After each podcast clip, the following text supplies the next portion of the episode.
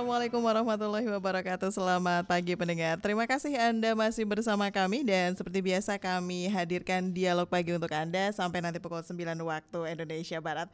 Pendengar hari ini 4 Februari Kita peringati sebagai Hari Kanker Sedunia dan diperingati setiap 4 Februari sebagai Hari Kanker Sedunia ini bertujuan untuk meningkatkan kesadaran terhadap kanker dan juga mendorong pencegahan, deteksi dan pengobatan kanker serta memberikan dukungan pada pejuang kanker. Mendengar pagi ini kami hadirkan tema hidup sehat tanpa kanker dan hadir bersama kami di sini yang pertama ada Dr. Muhammad Lutfi SPPD, konsultan hematologi dan onkologi medik Finasem MMMRs. Terima kasih dok sudah hadir bersama kami dan juga Ketua Satu Yayasan Kanker Indonesia Kabupaten Cirebon ya, ya dok ya. Betul, ya. Terima kasih dokter sudah hadir bersama Ya. kami. Dan juga ada Dr. Ahmad Faris Melvi Zamzam Zain, spesialis penyakit dalam dan juga sebagai Ketua ID Kabupaten Cirebon. Selamat pagi dok. Selamat pagi Mbak. Terima kasih sudah hadir bersama kami. Sama-sama. Ini 4 Februari sebagai peringatan Hari Kanker Sedunia ya dok. Tapi Ya. kalau boleh tahu gitu dok, ini kenapa ditentuinnya 4 Februari begitu dok? Ya sebetulnya eh, untuk tanggal sih tidak ada eh, apa Spesialis patokan gitu ya, ya? eh, yang pasti gitu ya. Hanya eh, sebagai peringatan aja eh, untuk kesadaran kita terhadap kanker. Jadi tidak ada tanggal spesifik untuk eh, menentukan kenapa kok tanggal 4 Februari yang diperingatinya sebagai eh, Hari Kanker Sedunia gitu. Baik, kalau di Kabupaten Cirebon sendiri nih, Dokter Faris ini apakah memang dari informasi yang saya dapat ya dok, katanya banyak perempuan begitu dok yang mengidap kanker. Apa memang seperti itu? Terus apa yang menyebabkan kemudian kenapa perempuan begitu yang banyak terserang begitu dok? Ya, eh, sebenarnya dikembalikan lagi kalau kita bicara kanker, kanker apa? Ya satu, karena nanti ada beberapa kanker yang eh, walaupun tidak terkait spesifik tapi lebih banyak pada eh, ini tertentu ya jenis kelamin tertentu. Ya misalnya kanker serviks, kanker leher rahim, ya kan hanya ada pada perempuan. Baik, baik. nggak mungkin ke laki-laki Ya, gitu ya dok ya? Kanker prostat ya itu hanya pada laki-laki. Dan ada misalnya kanker paru nanti karena terkait salah satu faktor risiko yang tertingginya adalah merokok misalkan nah lebih banyak pada kalangan yang merokok. Tapi sekarang kalaupun mungkin nanti dari Dr. Fi- Lutfi juga disambahkan kalau untuk merokok juga sekarang eh, perkembangannya tidak hanya laki-laki ya. Ya, betul. Jadi itu ha- hampir setara baik antara laki-laki maupun pada perempuan. Mhm. Eh, kalau dari pandangan dokter Lutfi sendiri nih dok di Kabupaten Cirebon apa memang seperti itu kah dok? Ya, Kasus yang eh, terjadi? sama seperti kasus di dunia sebetulnya ya Eh, memang eh, di dunia itu kan eh, tingkat kanker yang tertinggi memang saat ini masih didominasi oleh perempuan ya. Karena banyak organ wanita yang terkena di situ. Eh, untuk di Kabupaten Cirebon sendiri eh, sesuai pengalaman saya dalam praktek sehari-hari memang eh, insiden kanker payudara itu paling tinggi gitu. Kemudian disusul oleh kanker serviks ya terutama pada wanita. Dan kemudian baru disusul oleh kanker eh, daerah usus atau colorectal cancer gitu. Kalau melihat insiden di dunia sendiri eh, untuk kanker payudara itu sekitar eh, eh, delapan- 16,7 persen. Jadi kalau untuk di Indonesia itu kasusnya sekitar 58.256 kasus gitu. Ya, Sedangkan untuk kanker serviks itu sekitar 32.000 kasus eh, kanker serviks. Dan angka kematiannya pun eh, hampir setengahnya dari jumlah eh, insiden penyakit kanker itu sendiri. Hmm, baik baik jadi memang cukup banyak ya dok Cukup ya untuk banyak, kita yang eh, perempuan. makanya kewaspadaan dan deteksi dini ini menjadi hal yang penting gitu pada pasien-pasien kanker Hmm, ini. Bicara soal deteksi dini, kami sebagai perempuan ini apa yang harus dilakukan begitu dok? Ya, ya tentunya eh, karena kasus pada wanita itu paling sering adalah kanker payudara dan kanker serviks. Ada dua metode kan yang eh, kita eh, lakukan. Yang pertama pada kanker payudara tentunya screening ya dengan pemeriksaan yang kita namakan sadari atau pemeriksaan payudara sendiri. Itu ada tekniknya dan biasanya dilakukan pada setiap eh, saat menstruasi gitu. Jadi ada teknik untuk meraba eh, deteksi adanya benjolan di payudara. Nah, eh, selain sadari juga adanya ada namanya sadanis. Jadi pemeriksaan payudara secara klinis gitu. Nah, kalau sadari dilakukan oleh sendiri eh, untuk sadanis ini dilakukan eh, oleh dokter gitu dengan pemeriksaan USG berkala atau mamografi atau MRI eh, payudara gitu. Nah untuk kasus kanker serviks Iya. itu ada deteksi dininya juga dengan pemeriksaan IVA test atau inspeksi visual asam asetat.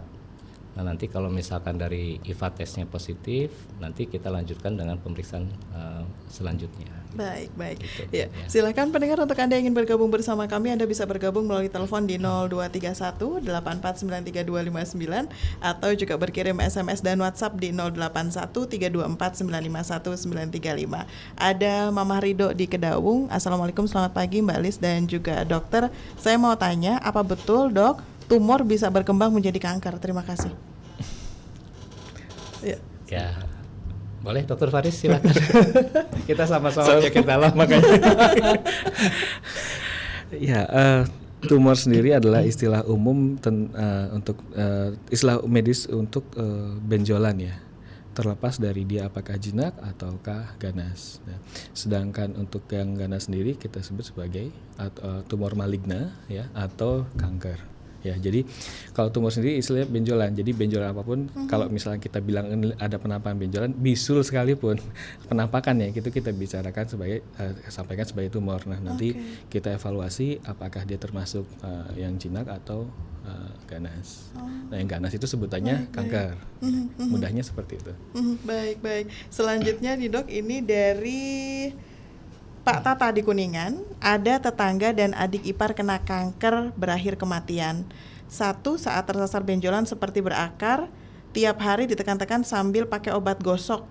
Sekarang hilang setelah kurang lebih empat tahunan. Apakah ini berbahaya atau ada apa nih pengobatan lanjutan? Terima kasih.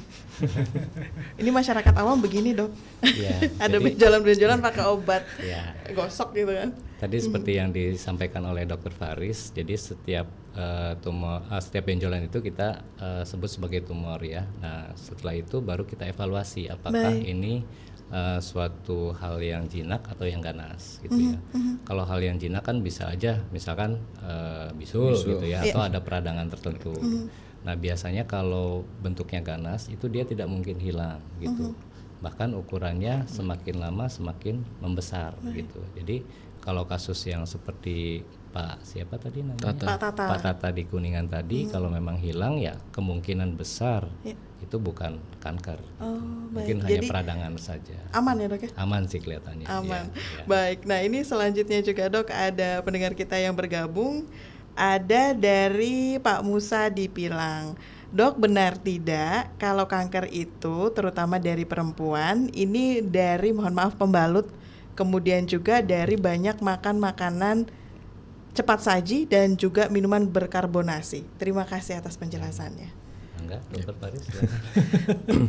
Kalau mengenai penggunaan eh, pembalut sebetulnya bukan mengenai pembalut, penggunaan pembalutnya, tapi hal prinsipnya pada eh, kanker itu adalah terjadinya peradangan yang cukup lama sehingga memicu Ya. sel kanker itu untuk bertumbuh kembang secara cepat dan lebih lanjut lagi ya. Dan eh, salah satu karakter sel kanker itu sendiri selain tadi yang disampaikan Dr. Lutfi mengenai pertumbuhan yang cepat, uh, ukuran yang bertambah, juga pada satu kondisi itu bisa uh, menyebar, ya. Jadi uh, ada di tempat-tempat lainnya atau yang kita bilang sebagai metastasis.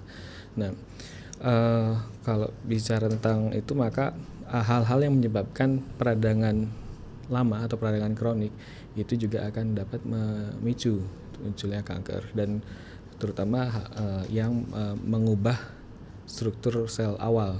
Ya jadi uh, dalam arti kata di sini nanti keterkaitan dengan uh, masalah di ke- kerusakan atau perubahan dari struktur genetiknya. Sehingga akan akan memicu adanya uh, sel kanker.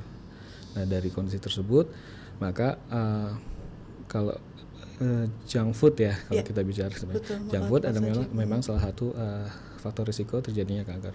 Kalau minuman berkarbonasi, saya sih belum belum belum baca mengenai studinya. Kalau alkohol, iya. Uh, kalau uh, berkarbo, eh, minuman berkarbonasi mungkin nanti kita bicara tentang PTM penyakit tidak menular lainnya Oh, seperti diabetes mellitus ya. Nah itu. Nah kalau untuk uh, penggunaan pembalut, uh, saya pikir tidak ya kalau untuk penggunaan pembalut. Ya. Hanya yang akan kita lihat adalah penggunaan uh, cairan apa tuh yang uh, pembersih, ya pembersih Oh. Yang kita harus evaluasi adalah apakah itu menyebabkan peradangan karena dengan mengubah pH itu akan mengubah apakah akan memicu inflamasi atau memicu, memicu peradangan atau tidak. Jadi kita harus hati-hati sama iklan ya dok. Eh, Iya, Kalau iklan kan justru malah katanya buat bagus Iya, begitu ya dok ya. Justru malah sebenarnya itu nggak disarankan ya. Iya. ya. Berarti seperti itu ya dok kira-kira. Iya. Tidak disarankan ya Iya. untuk menggunakan eh, pencuci tadi ya pencuci untuk vagina. Ini selanjutnya ada Bunda Renzo di Palimanan. Assalamualaikum dok, betul tidak kalau kista itu kemudian bisa berpotensi menjadi kanker? Apa? Kista, Kista. dok. Oh, kista. Ya. Ya sebetulnya eh, terdapat perbedaan ya antara Mm-hmm. kista dengan kanker gitu ya. Secara umum kista itu umumnya adalah jinak gitu. Tapi kalau kanker kan ganas ya. Mm-hmm. Seperti eh, contohnya yang paling sering itu kan pada wanita Iya, ya. betul, pada dok. daerah ovarium itu eh, sering kita temukan adanya kista ovarium. Nah itu memang jinak gitu. Tapi kalau misalkan kita temukan benjolan dari hasil evaluasi histologinya itu karsinoma, nah itu yang ganas gitu. Jadi eh, kita memang memiliki eh, salah satu teknik pemeriksaan untuk menentukan eh, dugaan kista itu apakah jinak apa ganas gitu. Dengan pemeriksaan marker tumor yang kita namakan dengan CA125. gitu. Jadi kalau dari USG ditemukan ada kista, kita untuk mengevaluasi apakah itu jinak apa ganas, kita periksa CA125-nya atau tumor markernya. Nah itu kalau CA125-nya tinggi, kemungkinan bukan kista tapi kanker gitu. Seperti itu. Nah nanti selanjutnya nanti dibuktikan dengan pemeriksaan patologi anatomi. Biopsi. Baik. Biopsinya, ya. Baik baik. Jadi ini pemeriksaannya berkelanjutan ya dok ya? Lanjutan dan mungkin perlu saya informasikan juga ini sering kali eh, di masyarakat salah kaprah ya tumor marker itu digunakan untuk semua jenis kanker padahal tidak gitu ya.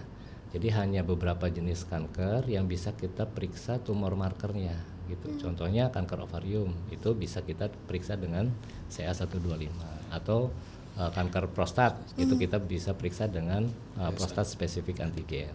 Tapi misalkan untuk kanker eh, payudara itu sebetulnya tumor marker yang ada itu tidak spesifik gitu untuk menentukan eh, apakah itu ada aktivasi apa tidak gitu. Seringkali saya lihat beberapa pasien memeriksakan eh, tumor marker untuk follow up kanker payudara. Padahal itu tidak tidak tepat lah kalau menurut saya.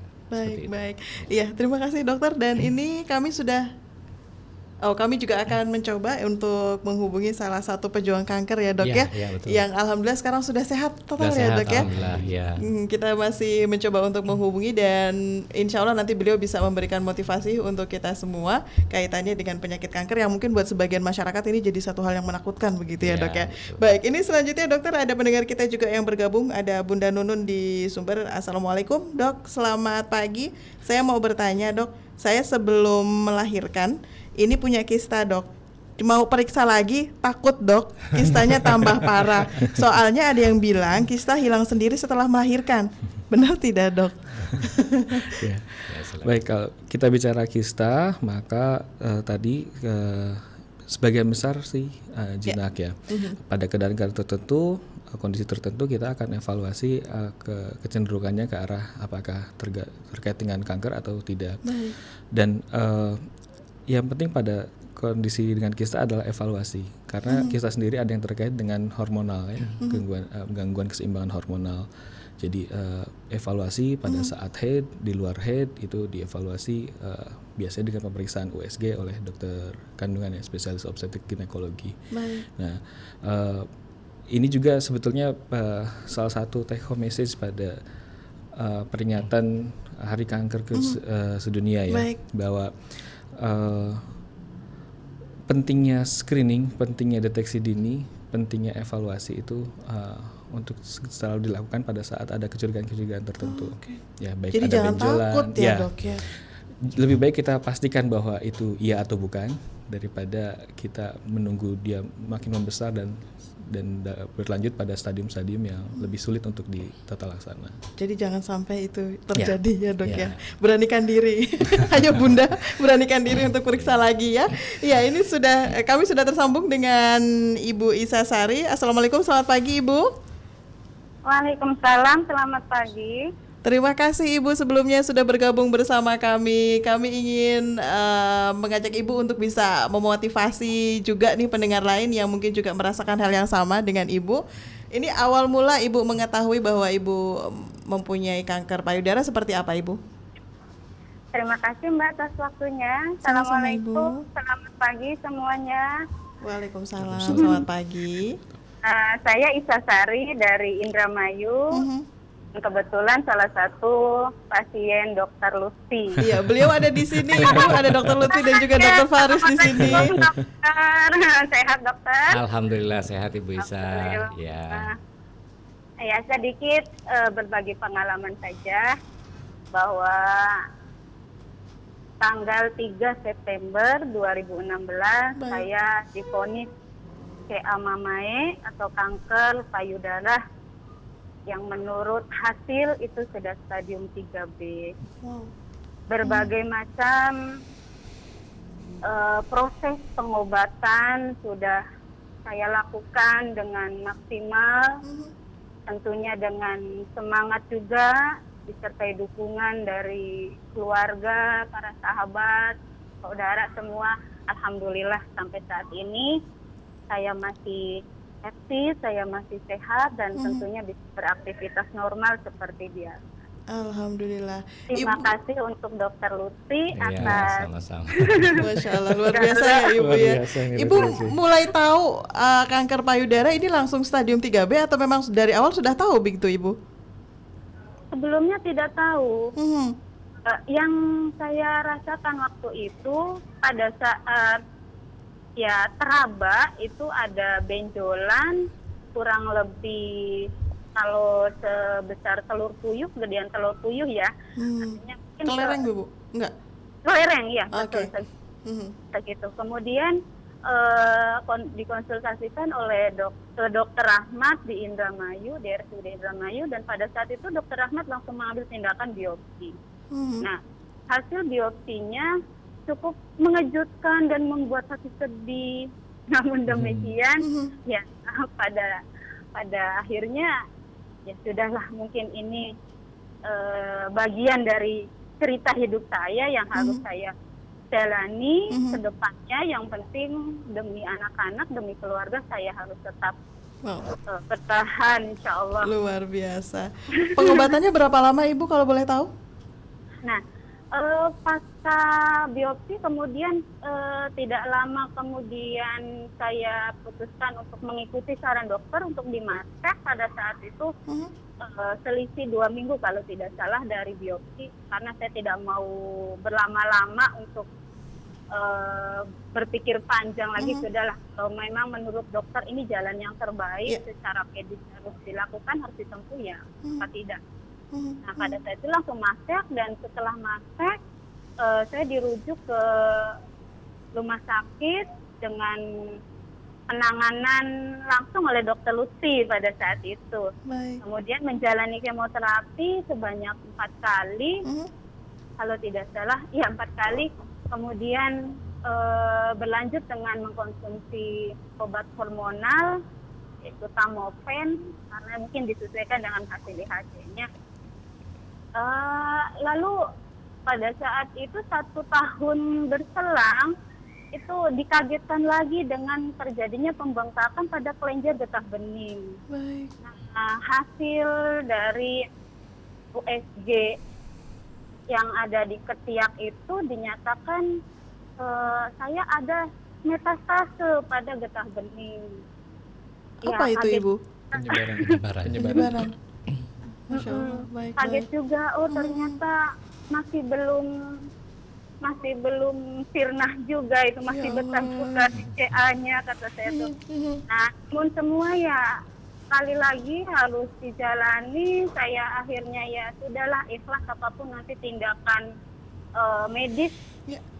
lainnya apa pun itu saya siap. Akhirnya dokter Lucy pada saat itu mengambil tindakan ya sudah bu kemo lagi aja mm-hmm. nah, saat itu saya udah kondisinya sudah sangat membaik sekali dari segi ya fisik juga rambut yang tadinya gundul sudah mulai tumbuh harus berjuang lagi harus menghadapi kemoterapi lagi ya Allah. empat kali lagi. Ya alhamdulillah sampai saat ini semoga Allah berkenan saya Amin. terus Amin. sehat. Nah, eh, dua kali periode kemo itu dijalani dan sampai sekarang masih mengkonsumsi obat tamofen sampai lima tahun dan sesuai saran dokter Lucy Nah, seperti itu aja akhirnya tiap bulan kontrol Mhm, tidak mhm. boleh jauh dari dokter Lucy Dokter Lucy-nya ngangenin ya Bu ya. dokter Lucy-nya orangnya asik sih Oh. Alhamdulillah, masya Allah ya ya Bu ya. Mhm, Iya. mhm. Nah, jadi alhamdulillah, alhamdulillah. Ya untuk saya pribadi Ya. secara ya secara pribadi sangat berterima kasih. Mungkin ini jalan yang sudah Allah berikan, Amin, yang sudah Allah tunjukkan Baik. ketika eh, Ya. ada dokter yang Hmm. siap membantu, ya semua itu harus Ya. direspon dengan. Baik, baik. Ibu mungkin ini yang terakhir bisa disampaikan kepada pendengar kita yang mungkin juga pernah mengalami hal yang sama atau saat ini sedang berjuang begitu Ibu. Bisa Ibu sampaikan kepada pendengar kami semua Ibu, silahkan. Iya, terima kasih Mbak atas waktunya. Eh, untuk para pejuang CA, apa pun itu, apakah CA mamae, kanker payudara, kanker paru-paru, kanker yang lainnya, Mhm. tetap semangat. Kita tidak boleh putus asa. Karena yakin semua itu pasti ada hikmah yang luar biasa. Kita tidak boleh menyerah. Kehadiran CA bukan akhir segalanya untuk hidup kita. Masya kita harus lebih bangkit. Baik, baik. Luar Mantap, biasa Bu. Ibu semangatnya. Harus semangat sehat selalu ya Bu. Amin. Nah, itu betul betul dokter tetap hadapi dengan senyum. Seperti dokter Lutfi yang selalu senyum pada kami. Wah, luar biasa. Jadi itu salah satu pengobatan juga ya Ibu ya? Masya Allah, luar biasa. Baik, terima kasih banyak Ibu untuk waktunya dan juga ini luar biasa memotivasi semuanya Ibu dan mudah-mudahan sehat selalu ya Ibu ya. Amin. Amin. Amin. Amin, amin, amin. Baik, selamat pagi Ibu. Assalamualaikum. Terima kasih. Waalaikumsalam.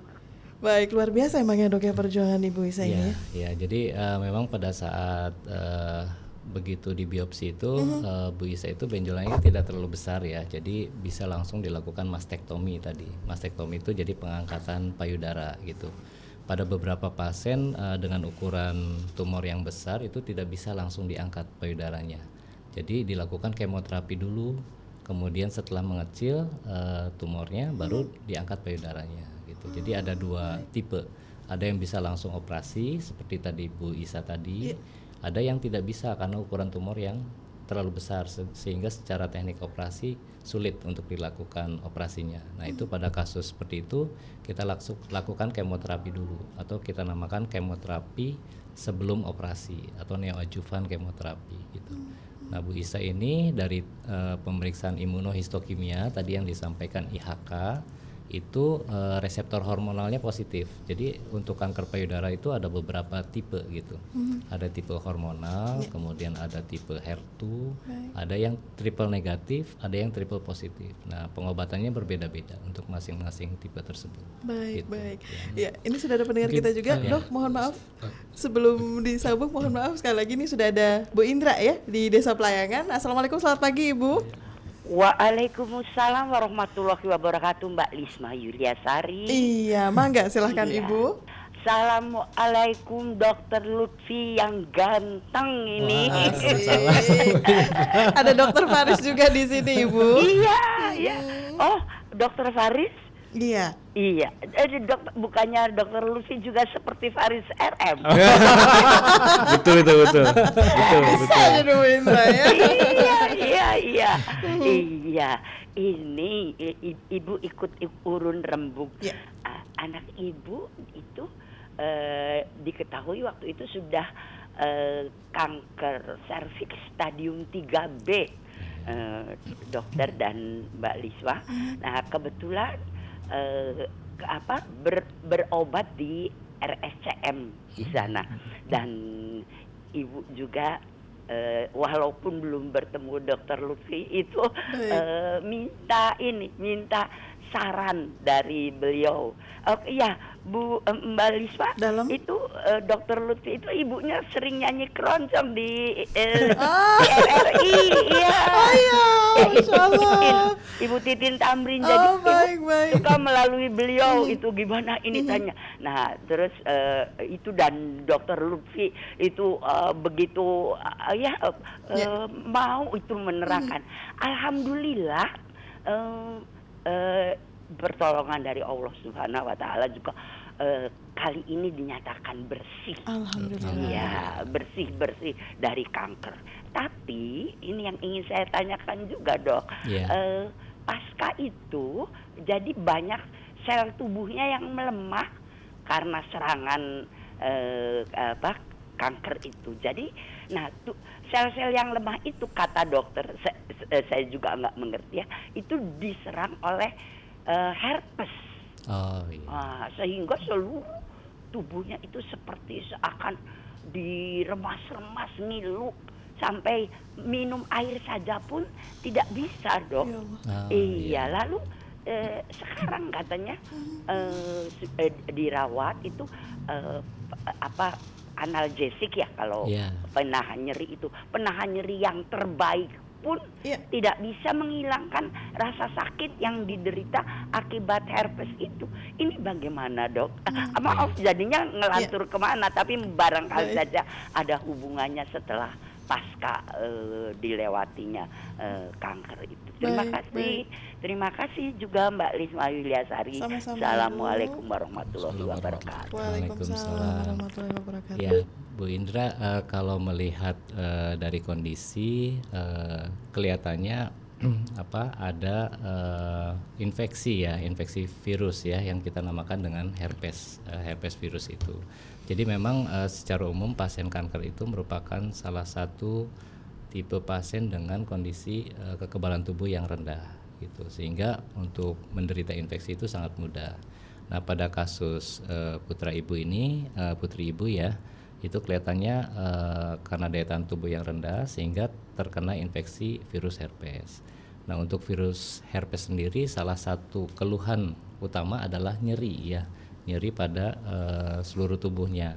Nah, eh, menurut saya eh, ini ada hubungannya dengan neuropati ya. Jadi kadang-kadang pada pasien herpes itu eh, herpesnya sendiri sudah sembuh, tapi eh, neuralgianya atau nyeri pasca herpesnya itu masih terasa walaupun pasiennya sudah sembuh. Artinya eh, apa bercak-bercak herpesnya itu sudah hilang, tapi nyerinya masih tetap ada. Itu yang kita namakan dengan neuralgia pasca herpe- herpetika.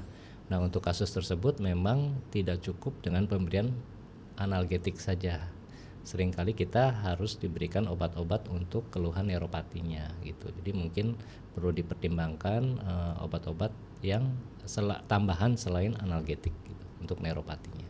Jadi memang Begitu. pengobatannya masih terus berlanjut ya, Ya, dok ya. ya. Keluarga harus benar-benar sabar ya dok. Ya, kelihatannya butuh waktu untuk eh, menghilangkan neuralgianya itu. Hmm, baik, baik. Ya, pendengar silakan untuk Anda yang ingin bergabung, Anda bisa bergabung melalui telepon di 0231849259 atau juga berkirim SMS dan WhatsApp di 081324951935.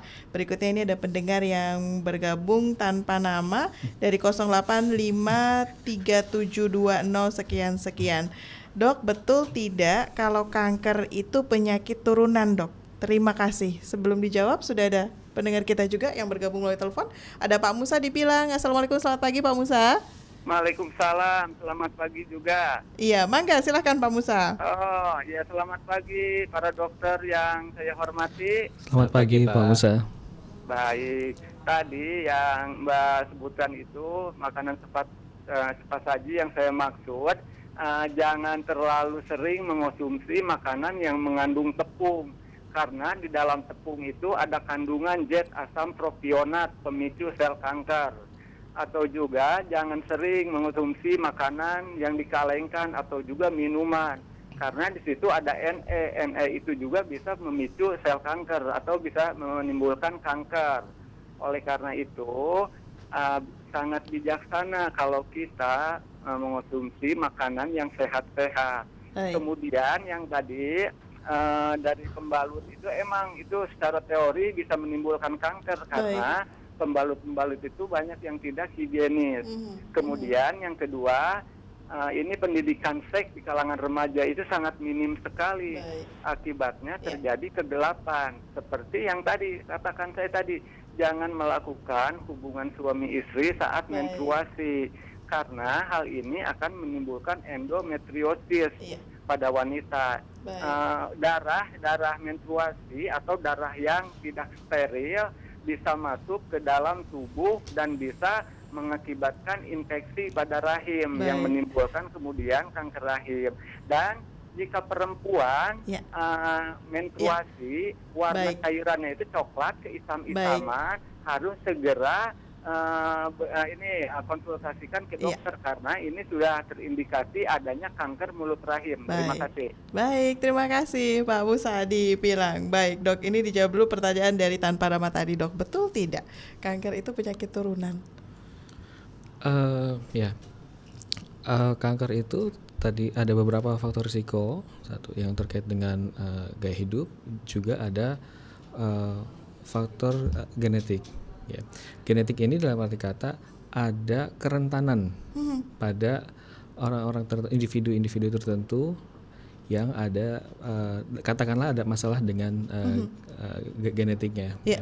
Jadi seperti halnya misalkan ada pada kanker eh, usus ya. Itu da- juga punya kedekatan dengan kanker eh, katakan payudara atau ada kanker eh, ovarium ya.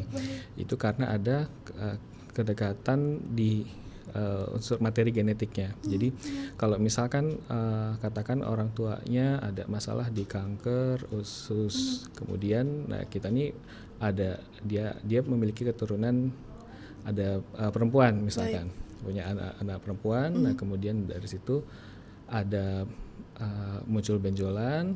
Nah ini kita pun eh, harus eh, harus mulai curiga karena ada- nanti ada keterkaitan eh, secara genetikanya.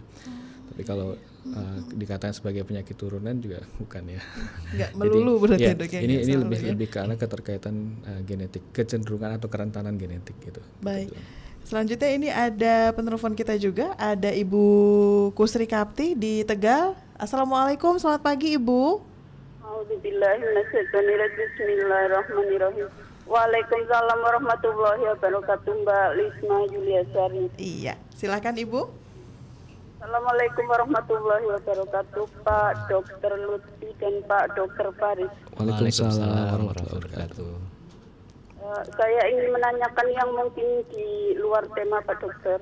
Itu soal pemasangan kateter untuk apa namanya eh, pelepasan air seni pada kelamin laki-laki itu efeknya apa Pak Dokter?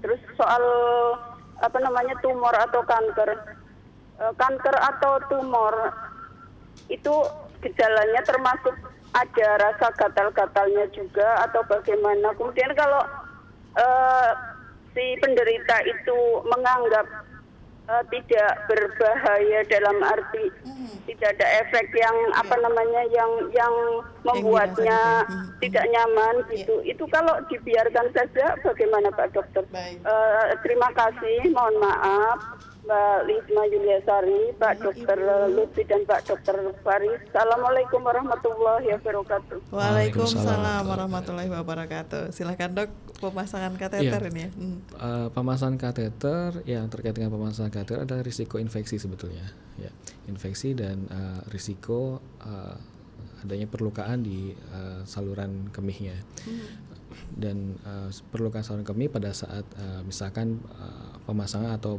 pelepasannya itu eh, tidak sesuai prosedur ya, jadi misalkan dari keluarga apa mengubah posisi dari eh, selang tersebut Kemudian eh, kalau untuk risiko infeksi biasanya terkait juga dengan durasi atau lamanya pemasangan.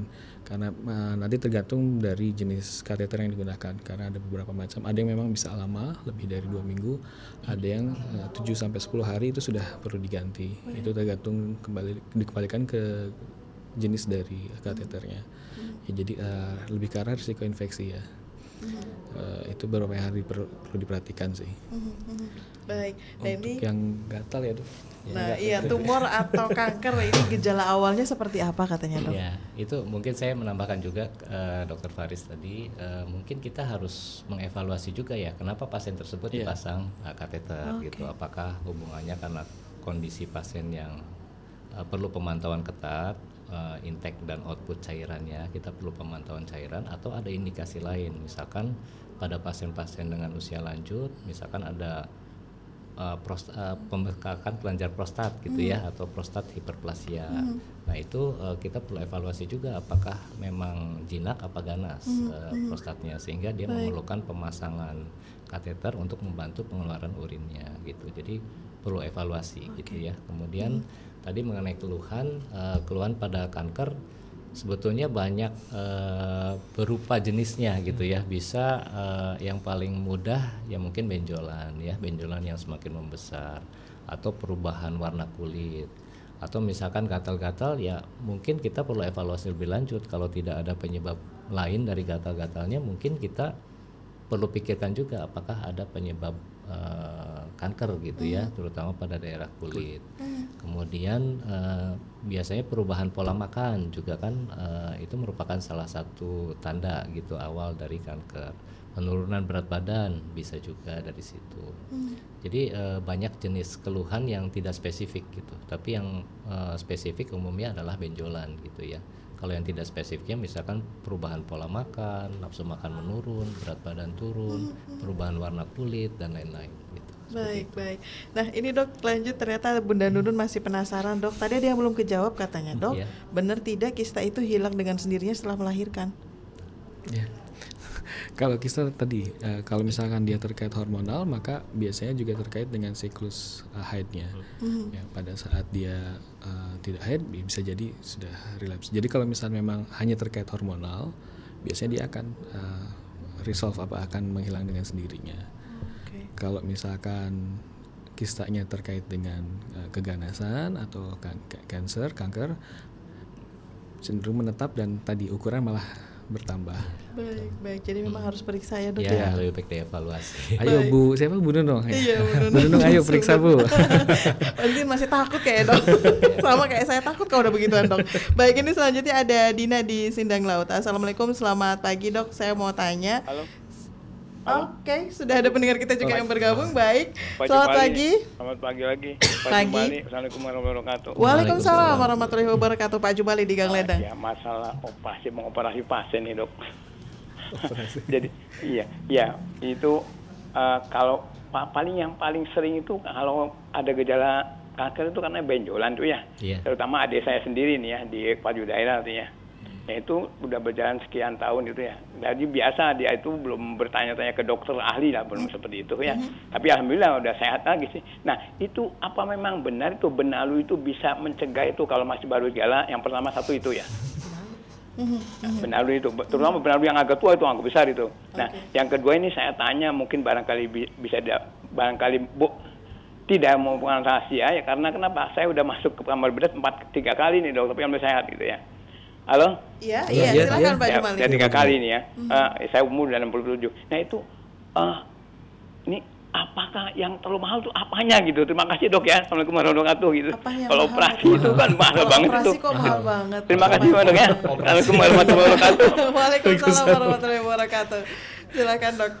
Ya, jadi eh, yang pertama mungkin eh, terkait dengan eh, itu ya, benalu ya Iya, tadi ya. benar dulu yang pertama. Eh, tampaknya eh, dari referensi yang ada sebagai salah satu jenis pengobatan ya, eh, itu tidak direkomendasikan sa- sampai saat ini ya, karena ilmu kedokteran itu kan berkembang ya. Iya. Jadi mungkin saat ini eh, tidak ada karena penelitiannya pun belum ada gitu. Entah kalau misalkan mungkin beberapa puluh tahun yang akan datang ternyata ada ekstrak yang baik dari benalu tersebut ya kita nggak tahu. Tapi kita basicnya adalah eh, evidence base ya atau penelitian. Jadi obat-obatan kanker itu eh, memang sudah ada penelitiannya. Beda dengan obat-obat misalkan herbal gitu ya. Saya soalnya sering kali menemukan pasien-pasien yang datang sudah terdiagnosis kanker tapi takut menjalani pengobatan gitu. Akibatnya beralih kan Iya, ke ke herbal. herbal. kemudian datang kembali pada stadium yang sudah lanjut, gitu. Jadi eh, banyak pengobatan alternatif yang eh, belum ada penelitiannya. Sehingga kalau saran saya sih lebih baik pengobatan yang sudah jelas eh, penelitiannya dan sudah terbukti memang dapat eh, mengobati kanker gitu seperti itu. Baik, baik. Jadi sebenarnya nggak disarankan juga ya dok ya. Iya, yang betul. terakhir yang menggelitik dok, kenapa operasi itu mahal? Ya itu dokter Faris ini. Gimana dok? Kenapa operasi itu mahal? Eh, satu ini bapak nggak menggunakan layanan BPJS ya eh, s- eh, satu sebenarnya kalau kita bicara layanan kesehatan terkait dengan eh, keganasan ini salah satu promotornya ini salah satu apa namanya eh, pionirnya di Cirebon ini Dr. Lutfi sebetulnya. Yaitu eh, memungkinkan pelayanan kemoterapi terutama di lingkungan Cirebon Jaya Maja Kuning. Itu satu. Nah yang kedua eh, eh, untuk eh, operasinya. Memang eh, mungkin ada satu dan lain hal terkait dengan satu fasilitas. Yang kedua memang kalau eh, apa eh, tindakan atau prosedur operasi pada kasus-kasus eh, kanker itu eh, ada beda dengan kasus-kasus lainnya misalkan eh, usus buntu ya dan lainnya. Karena satu harus memastikan betul-betul terangkat masanya itu tumornya itu sendiri. Karena pada saat ada sisa akan memicu tumbuh yang baru di tempat yang sama. Yang kedua eh, harus memastikan di kelenjar getah bening sekitar tumornya itu juga eh, harus terangkat apabila sudah ter, eh, terkena dan harus mengevaluasi di sekitarannya. Apalagi kalau misalnya kita bicara kanker usus ya itu di rongga perut itu kan cukup luas. Jadi ha- harus dievaluasi benar-benar. Jadi jangan sampai ada anak sebar yang di sekitarnya itu masih ada masih tersisa. Jadi proses pengerjaan yang cukup lama dengan keterampilan yang eh, lebih eh, tinggi jadi kita bicara tentang skill yang lebih terampil yang lebih eh, lanjut ya lebih advance kemudian dengan sarana yang lebih eh, banyak lagi jadi memang pengerjaannya lebih sulit bisa dikatakan seperti itu Baik, baik. Selanjutnya dok, ini yang sempat tertunda. Ini ada Dina di Sindang Laut. Assalamualaikum dok, mohon maaf saya bertanya di luar tema. Saya mau menikah dok, tapi ternyata saya divonis ada miom dok. Dan dokter mengatakan saya harus operasi. Apakah memang saya harus mengikuti semua prosedurnya dok? Jujur saya takut ketika nanti saya menikah saya nggak bisa punya anak. Dan kalau saya harus berobat, saya harus berobat ke mana? Apakah melanjutkan ke dokter saya sebelumnya? Atau ada saran terbaik dari dokter? Terima kasih. Dokter. Ya, eh, jadi kalau miom itu kan eh, definisinya jinak ya. Jadi eh, pada wanita itu ada beberapa lokasi untuk eh, terbentuknya benjolan ya. Eh, bisa pada kandung telur atau eh, ovarium, kemudian bisa pada rahim, eh, kemudian bisa pada daerah leher rahim atau serviks gitu. Nah, pada kasus Bu Dina tadi lokasinya adalah di uterusnya. Nah, di uterus itu ada dua jenis utama eh, benjolan, bisa jinak, bisa ganas ya. Nah, kalau yang jinak itu kita namakan miom.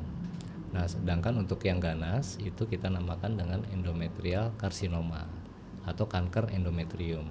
Nah, eh, itu memang kita harus evaluasi apakah benjolannya itu memang betul miom atau suatu endometrial cancer atau kanker endometrium.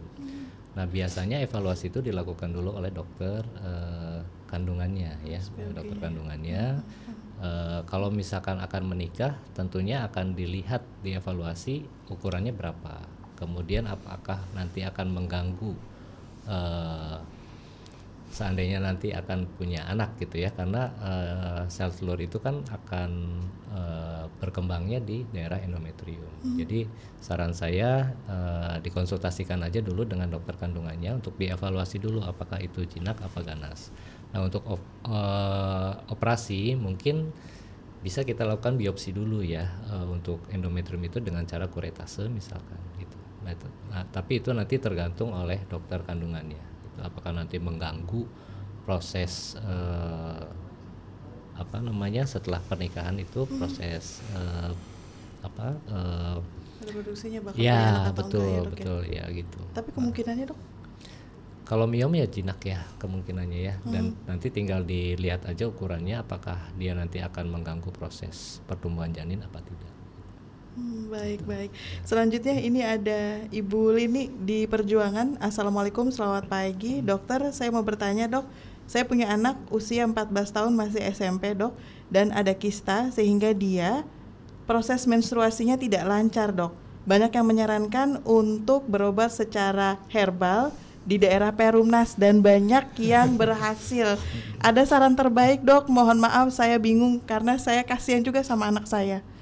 Ya mungkin tadi silakan dilanjutkan Dr. Faris Gimana, karena Dr. ini Faris? terkait hormonal ya, Iya. Eh, apalagi pada anak-anak kan. Anak SMP bisa ya dok ya? Ya, Ya, Ada itu gitu? apalagi usia usia 14 tahun atau Iya. mungkin lebih lebih dini lagi sekitar 10 tahun karena uh, itu adalah eh, kita sebut menars. Menars itu awal mula uh, uh, perempuan itu haid. Iya betul.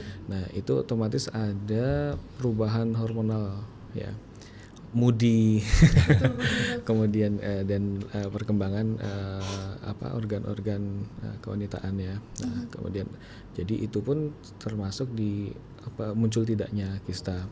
Yang yang penting eh, kalau misalkan sampai mengganggu aktivitas biasanya akan harusnya diperiksakan eh, status hormonnya.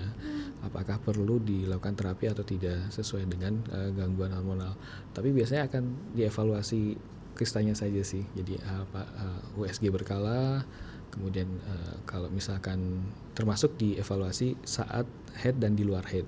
Kalau misalkan ada perbedaan ukuran biasanya sih observasi ya, tidak tidak dilakukan tindakan lebih lanjut. Baik baik. Ya, Jadi mungkin saya menambahkan ya eh, karena banyak terkait dengan faktor hormon, makanya sebetulnya eh, sering kali eh, masyarakat tuh berpandangan dengan obat herbal hilang, Iya, padahal dia hilang sendiri gitu sebetulnya gitu, karena terkait hormonal. ya. Jadi koinsidence aja kebetulan aja diberikan obat eh, her- minum herbal, padahal dia hilang sendiri. Tanpa minum herbal pun dia hilang sendiri. Gitu. Baik. Itu yang dimaksud dengan observasi. Ya. Jadi, kita Jadi observasi, untuk terus Ibu Lini tenang gitu ya, Iya. jangan panik dan ga- jangan gampang percaya begitu ya dok ya. Iya. Baik, iya dokter ini saya sekali waktunya tinggal sedikit lagi closing statement kita dok dalam peringatan Hari Kanker Sedunia ini. Silakan dokter eh, Faris terlebih dahulu. Oke, baik.